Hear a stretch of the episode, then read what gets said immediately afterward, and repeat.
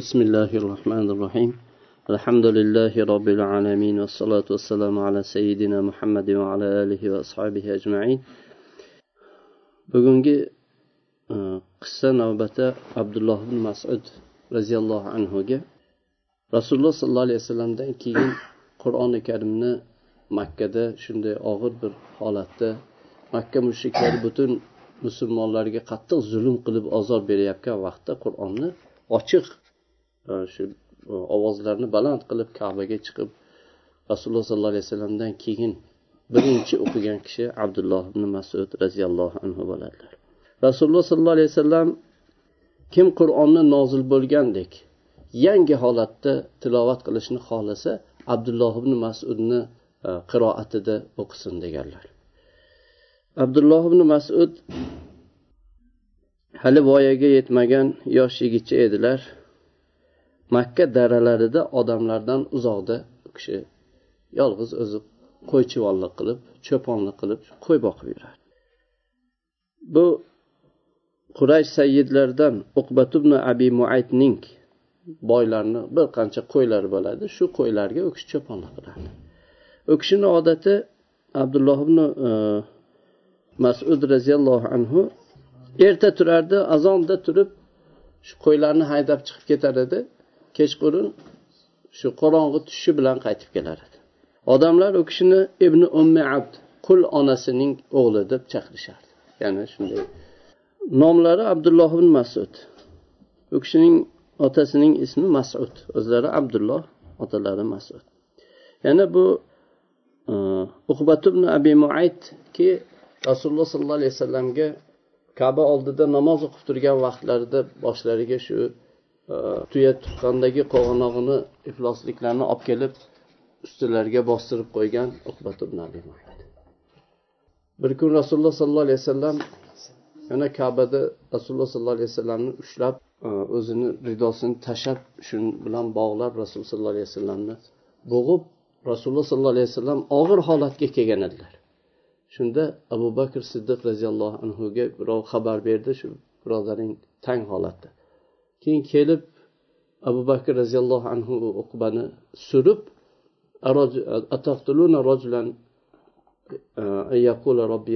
robbim olloh deganligi uchun bir kishini o'ldirasizlarmi? deb yig'lab rasululloh sollallohu alayhi vasallamni shunday qutqazib oladi.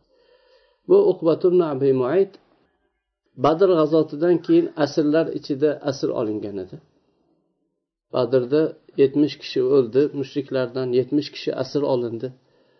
Badr jangidan madinaga qaytib ketayotganda keyin rasululloh sollallohu alayhi vasallam ali roziyallohu anhuga buni qatl qil deb o'ldirishga buyurganlar. Ya'ni bu musulmonlarga nihoyatda qattiq zulmi qattiq bo'lganligidan ozori qattiq bo'lganligidan rasululloh sollallohu alayhi vasallam e, uni o'ldirishga buyurdilar. Badr g'azotidan keyin madinaga qaytib ketayotganda rasululloh sollallohu alayhi vasallam o'ldirganlar. Shu uqbat ibn abu maid makka mushriklarining eng katta boylaridan edi. Shuni qo'yini abdulloh ibn masud roziyallohu anhu shu yosh bolalik vaqtida uni cho'poni edilar. Ya'ni bir haqini olib qo'yini haydab azonda chiqib ketar edi. Qorong'i tushishi bilan keyin qaytar qaytib kelar edilar. Bu yosh bola nabiy sallallohu alayhi vasallamni qavmlari ichida u kishini risolat kelganligi bu payg'ambarlik xabarlari haqida hech xabari yo'q edi. Unga e'tibor ham yana ko'p e'tibor bermasdilar ishlari yo'q edi. Bir tarafdan yoshi kichikligi uchun ikkinchi tarafdan u kishi bu makkadagi xabarlardan makka xalqidan uzoq bo'lganligi uchun bunga ishi yo'q edi. Bir kuni bu bola makkiy yigit abdulloh ibn masud roziyallohu anhu uzoqdan juda viqorlik o'rta yoshdagi ikki kishini bu kishini oldiga qarab kelayotganini ko'rdi bu ikkalalari juda charchagan qattiq toliqqan va issiqdan chanqagan lablari bo'g'izlari qurib qolgan ikki kishi kelar edi. U ikkalalari kelib bu bolani oldiga berib salom kelib salom berishdi. Salom berib ey bola bizga shu qo'ylaringdan ozgina sog'ib bersang shu chanqog'imizni qondirsak e, shu e, halqumimizni tomog'imizni ho'llab olsak deyishdi. Bu bola qarab yo'q men bunday qilolmayman dedi. Bu qo'ylar meni qo'yim emas dedi. Bu qo'ylarga men omonatdorman. Menga omonat bu qo'ylar bu ikki kishi bu odam bu bolani so'zini inkor qilishmadi va yuzlarida xafa bo'lishni o'rniga rozilik ko'rindi. Keyin unga e, ularning bittasi aytdiki hali yosh yana kichkina bo'lgan qo'chqor sakramagan bir qo'ying bo'lsa menga ko'rsat dedilar.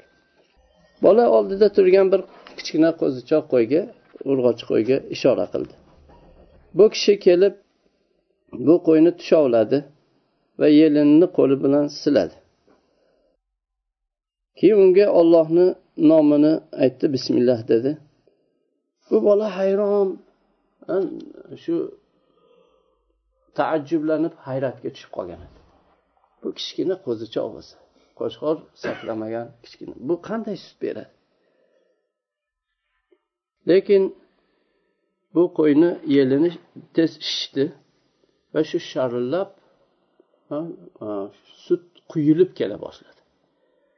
Shunda ikkinchi kishi bir o'yiq ya'ni idishga o'xshagan bir toshni olib keldi. Keyin buni sut bilan to'ldirdi. U kishini o'zi ichdi sherigi ichdi.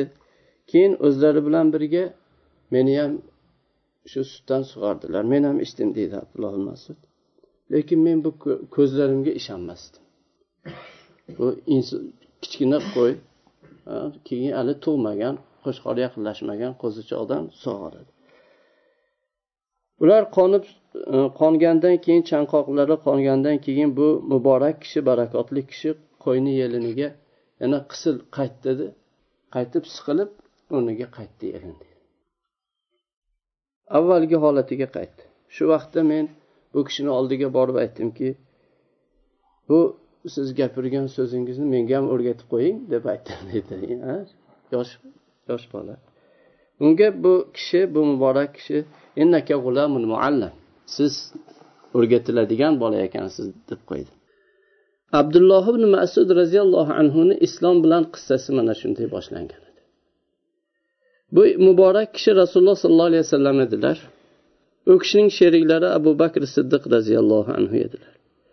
Bular bu kuni makka daralariga shu makkadan tashqariga tog'larni orasiga shu daralarga qurayshlar bularni qattiq qiynalgani va ozor juda og'ir bo'lgandan zulmdan qochib e, ularga tushayotgan balodan qochishib shu chiqib ketgan edilar. Bu bola rasuli karim sollallohu alayhi vasallamni va u kishini bu sahobalarni yaxshi ko'rib qoldi va ularga nihoyatda qattiq muhabbat bilan bog'landi. Xuddi u yaxshi ko'rganidek rasululloh sollallohu alayhi vasallam va u kishini sheriklari ham bu bolaga qiziqib qolishdi va buni omonatdorligini va ehtiyotkor shunday e, ziyrak bolaligini ko'rib ular juda buni hurmat qilishdi. Unda bir yaxshilikni ko'rishdi. Bu qissaga uzoq vaqt o'tmadi.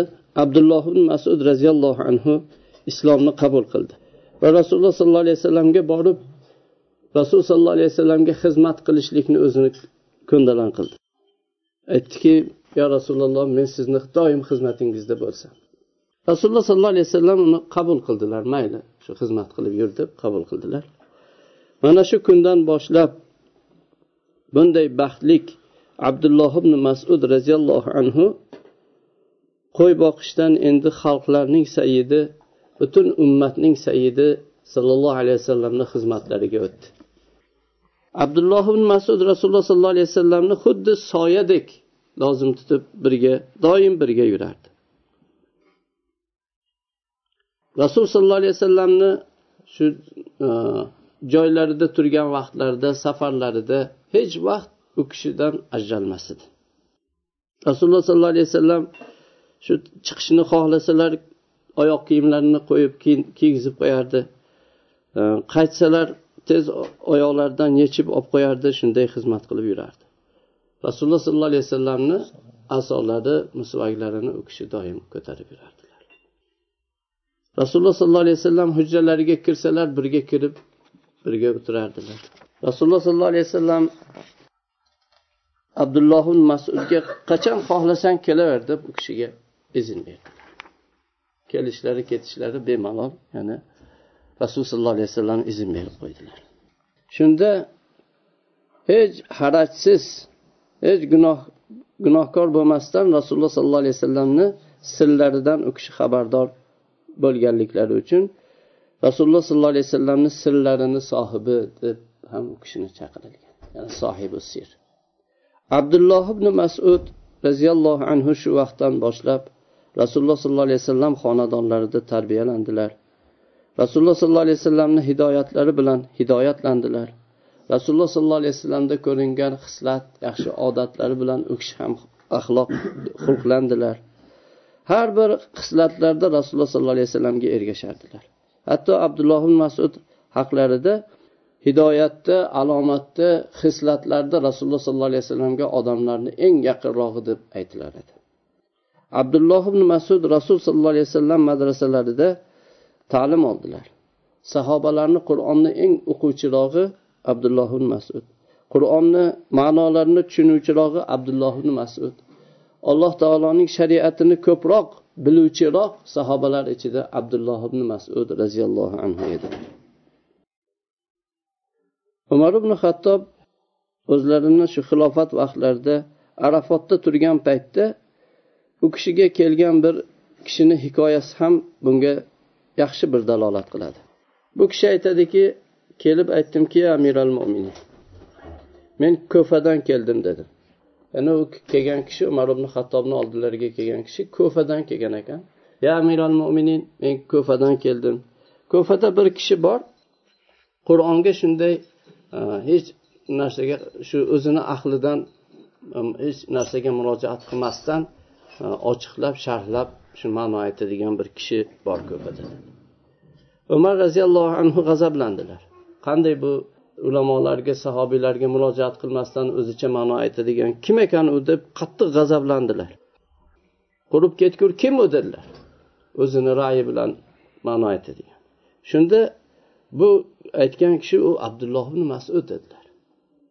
Umar roziyallohu anhu yana bosilib o'zlariga kelib u kishini bu g'azablari tarqaldi keyin aytdilarki baraka topgur dedilar. Allohga qasamki bu ishga abdulloh ibn masuddan haqliroq bo'lgan insonlardan hech kim qolmadi. Shu o'zi hech kimga murojaat qilmasdan ma'no aytishlikka loyiq bo'lgan shu abdulloh ibn masud bor dedilar. Bu haqda senga gapirib beraman deb umar roziyallohu anhu gap boshlab aytdilarki rasululloh sollallohu alayhi vasallam bir kecha abu bakr bilan gaplashib o'tirgan ekanlar. Ular shu musulmonlar ishi haqida fikrlashib o'tirgan edi. Men ham ular bilan birga bo'ldim. Keyin rasululloh sollallohu alayhi vasallam chiqdilar. Men u kishi bilan birga biz ham chiqdik. Masjidda bir odam tik turib e, namoz o'qir edi biz qorong'ida u kishini kimligini bilmadik. Rasululloh sollallohu alayhi vasallam unga yaqin borib orqasida quloq solib shu tilovatini eshitdilar. Uni tilovatiga qur'on o'qishiga rasululloh sollallohu alayhi vasallam quloq soldilar. Keyin bizga qarab aytdilarki kim qur'onni yangi nozil bo'lgandek hul holatida tilovat qilishni xohlasa abdulloh ibn masud ibn umma abni qiroatida o'qisin dedilar. Keyin abdulloh ibn masud duo qilib o'tirdilar. Rasululloh sollallohu alayhi vasallam u kishini haqida aytardiki sal sal deb turar so'raya berilasan so'ra so'rab qol deb turardilar ya'ni amin deb rasululloh sollallohu alayhi vasallam so'ra ollohdan so'ra deb turardilar. Keyin umar so'zlarini davom ettirib aytadilarki shunda shu xayolimdan o'tdi o'zimcha aytdimki allohga qasamki ertalab abdulloh ibn masudni oldiga borib rasululloh sollallohu alayhi vasallamni bu omin deb aytib turgan so'zlarini uni duosiga men unga xushxabar yetkazaman dedi. Ertalab turib abdulloh ibn masudni oldilariga borib bu xushxabarni yetkazuvdim. Abu bakr roziyallohu anhu mendan oldin borib aytib o'tirgan ekanlar dedi. Hmm. Allohga qasamki men qaysi bir yaxshilikda abu bakrdan o'zib ketaman desam abu bakr mendan o'zib ketardilar abdulloh ibn masud roziyallohu anhuni allohning kitobiga bo'lgan ilmlari shu darajaga yetgan edi. U kishi aytardiki olloh ya'ni undan boshqa haq ma'bud bo'lgan ollohga qasamyod qilaman. Alloh taoloni kitobidan qaysi oyat nozil bo'lsa men u oyatni qayerda nozil bo'lgan nima haqda nozil bo'lganligini bilardim. Agar mendan ko'ra ollohni kitobini biluvchiroq bir kishini bilsam unga shu tuya bilan uzoq safar qilib yetib bo'ladigan joyda bo'lsa borib undan shuni e, ilmni talab qilardim dedilar. Abdulloh ibn masud roziyallohu anhu o'zlari haqlarida aytgan bu so'zlarida mubolag'a qilmayotgan edilar. Umar ibn xattob roziyallohu anhu safarlarni birida bir karvonga kechasida yo'liqdilar. Uzoqdan bir karvon kelib qoldi. Bular ham shu qorong'ida. Zulmat e, bu qorong'ilik ularni o'rtasini to'sib turar edi. Karvonni ichida abdulloh ibn masud roziyallohu anhu ham bor edilar. U tarafda ya'ni umar roziyallohu anhuga qarshi kelgan tarafda karvonni ichida bor shunda umar atroflaridagi odamlardan biriga ularga buyurgin qayerdan kelyapsizlar? Bu qavm qayerdan degin? deb aytdi sizlar qayerdansizlar deb qayerdan kelyapsizlar deb so'radi u kishi. U tarafdan yana abdulloh ibn masud minal fajjil amiq dedilar. Ya'ni uzoq vodiylardan dedilar. Ya'ni qur'onda hajga kelayotganlar yatuna min kulli fajjin amiq oyati keladi. Uzoq uzoq vodiylardan keladilar. Ha. Umar aytdilarki so'ra qayerga ketyapsizlar? deb aytgin dedilar. U kishi ayna turidun qayerga ketyapsizlar? deb so'radi. Al baytal atiq dedilar. Ya'ni e, shu baytul atiq shu oyatni davomida alloh taoloni uyini ziyoratiga har bir uzoq vodiylardan keladilar. Umar aytdilarki e, ularda bir olim kishi bor ekan dedilar. Keyin bu odamga buyurdilar ulardan so'ra qur'onni qaysinisi buyukroq deb so'rachi dedilar. So'radi abdulloh masud. Javob berdilar allohu la ilaha illahu al hayyul qayyum la ta'khudhuhu sinatun va la nawm. U eng buyuk oyatdir dedilar. Oyat al kursiy deymiz ya'ni bu haq bo'lgan tirik qoim bo'lgan qayyum bo'lgan har bir ishni boshqaruvchi ollohdan boshqa haq ma'bud yo'qdir. U alloh taoloni uyqusirash uxlash unga buni olmaydi. Ya'ni unga bu g'alaba qilolmaydigan zot. Bunday nuqsondan pok bo'lgan zot deb shuni o'qidilar. Qur'ondan qaysi sura muhkam? Uni so'ra dedilar. Abdulloh masud aytdilarki bil adli val ihson va itai zil qurba. Bu eng muhkam hech mutashobih bo'lmagan oyatdir. Alloh taolo adolatga buyuradi ehsonga buyuradi va qarindoshlarga yaqinlarga haqqini berishlikka buyuradi. Umar roziyallohu anhu ularga qur'onni qaysinisi jomiroqdir. Har bir inson butun qismatini jamlaydigan jomiroq oyat qaysidir deb so'radilar abdulloh masud javob berdilarki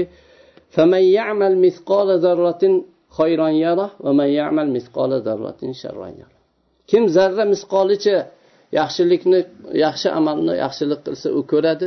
Zarra misqolicha yomonlik qilgan ham ko'radi degan oyatni. Umar qur'onda eng xavfli joyi qayer uni so'rashi dedilar.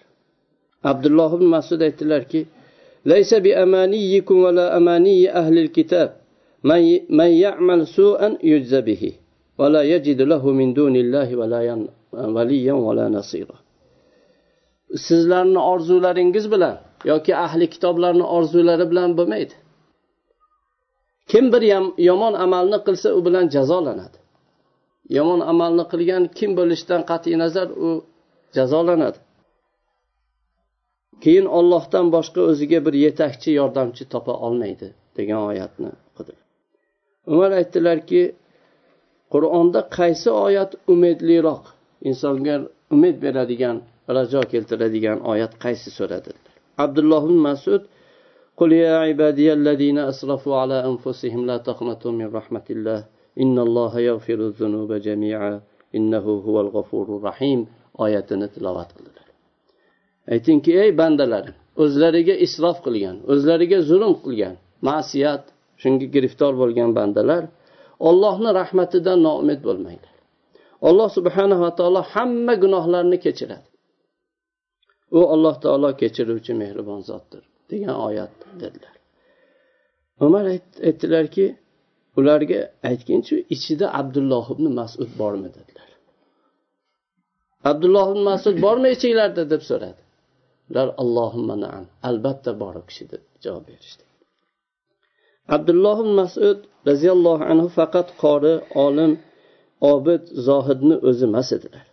Ya'ni qur'onni yaxshi o'qiydigan ibodat bilan mashg'ul keyin dunyodan yuz o'girgan zohid buni o'zi emas edi u kishi. Balki bu bilan birga u kishi nihoyatda qat'iyatlik kuchlik jasur bir mujohid edilar. Ish jiddiylashsa nihoyatda e, ilgari bola faqat olg'a boradigan mujohid edilar. U kishi yer yuzida rasululloh sollallohu alayhi vasallamdan keyin mushriklar ichiga chiqib birinchi bo'lib qur'onni baland ovozda o'qiganliklari o'zi kifoya qiladi. U kishini jasorati shajoati qaytmasliklariga. Bir kuni rasululloh sollallohu alayhi vasallam sahobalari makkada jamlanib o'tirib aytdilarki juda oz zaif bechora edilar. Butun mushriklar zulm qilar edi ozor berar edi. Shunda aytdilarki quraysh bu qur'ondan ularga ochiq o'qilganini hech birini eshitmadiya dedilar. Bizlardan bir kishi ularga qani edi bir kishi borib shuni eshittiradigan kishi bo'lganda dedilar. Abdulloh ibn masud turib men ularga eshittiraman dedilar. Aytishdiki yo'q biz sizga qo'rqamiz. Biz bir qarindosh urug'i bo'lgan ular bir yomonlikni xohlasa himoya qiladigan ularni qaytaradigan bir qarindoshi kuchliroq himoyasi bor odamni xohlayapmiz deyishdi. Abdulloh masud e, qo'yinglar dedi. Olloh subhanava taolo meni himoya qilib oladi. Olloh o'zi ulardan meni qaytaradi. Keyin masjidga bordilar? Choshgoh vaqti edi. Maqomi ibrohimga borib turdilarda qurayshni hammasi kaba atrofida o'tirishuvdi. Abdulloh masud maqomga chiqdilar va bismillahi rohmanir rohim deb ovozlarini baland ovoz bilan ar rohman allamal qur'an xalaqal inson allamahul bayan deb baland ovoz bilan bu surani o'qiy boshladilar. U kishi o'qib davom ettirib ketdi. Qurayshlar bir biriga qarab hayratga tushib bu nima deyapti bu ibn ummi abd deb bu yana tahqirlash uchun shunday deyishar edi. Bu ibn masud nima deyapti deb u kishi yana alloh taolo ularni eshitishni xohlagancha u kishi o'qidilar yani qur'on. Keyin ular bir biriga qarab bu muhammad olib kelgan narsani ba'zisini tilovat qilayotgan ekan deb hammasi tashlandi. U kishini yuzlariga urib ketishdi. U kishi alloh taolo bu suradan uni xohlagan bo'lsa shuncha miqdorda u kishi o'qidilar. Keyin sheriklarini oldilariga qaytib ketdi u kishini butun vujudidan qon oqib qonga belanib qaytib ketdilar. Keyin sahobiylar bu kishini ko'rganda biz mana shunday bo'lishingizdan qo'rqar edik. Biz shundan qo'rqqan edik deyishdi. Abdulloh ibn masud ollohga qasamki bu ollohni dushmanlari hozirgidan ko'ra hech meni ko'zimda haqirroq bo'lmagan dedilar xohlasanglar ertaga ham men o'zim borib eshittiraman dedi. Ular yo'q shu yetar. Bu ular karih ko'radigan yoqtirmaydigan narsani ularga eshittirdingiz shu yetadi dedilar. Abdulloh masud usmon roziyallohu anhuning xilofatlari davrigacha u kishi yashadilar. Og'ir kasal bo'lib o'lim to'shagida yotgan vaqtlarida usmon roziyallohu anhu u kishini ziyoratlariga keldilar. Kelib ma tashtaki nimadan shikoyat qilasiz? Nima qiynayapti sizni deganda gunohlarim dedilar. Shu gunohlarim qiynayapti meni. Keyin yana ahvol so'rab nima xohlaysiz? Ko'nglingiz nima tilaydi? Desalar robbimni rahmatini dedilar. Siz ikki yildan beri baytulmoldan sizga mm, tayinlangan maoshni olmaysiz. Shuni sizga yana buyuraymi? Berib turibsizmi? dedi. U kishi yo'q nimaga hojatim yo'q keragi yo'q dedi. Sizdan keyin qizlaringizga bo'ladi dedi. Shunda abdulloh masud qizlarimga faqirlik yetishidan qo'rqasanmi? dedilar men ularga har kecha voqea surasini o'qishlikni buyurganman. Rasululloh sollallohu alayhi vasallamdan eshitganman.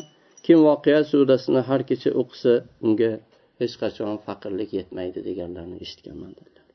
Lekin bu hadis zaif keyin munkar hadis ham deyishadi. Zaif munkar bo'lsa bu sahih e, san'atlarga juda ham qattiq e, ular inkor etgan hadislardan bo'ladi. Kechasi keluvdi abdulloh masud o'sha kuni kechqurun vafot etdilar va tillari ollohni zikri bilan ho'l e, ollohni ochiq oyatlari bilan shunday yangrab dunyodan ko'z yumdilar. Namozlar e, musulmonlardan bir jamoa u kishini namozlarini janozani o'qidilar. Ularni ichida zubayr ibn avvom roziyallohu anhu ham bor edilar. Keyin baqiyga shu madinadagi baqiy qabristoniga dafn qilindi. Alloh taolo rahmat qilsin alloh rozi bo'lsin u kishini alloh rozi qilsin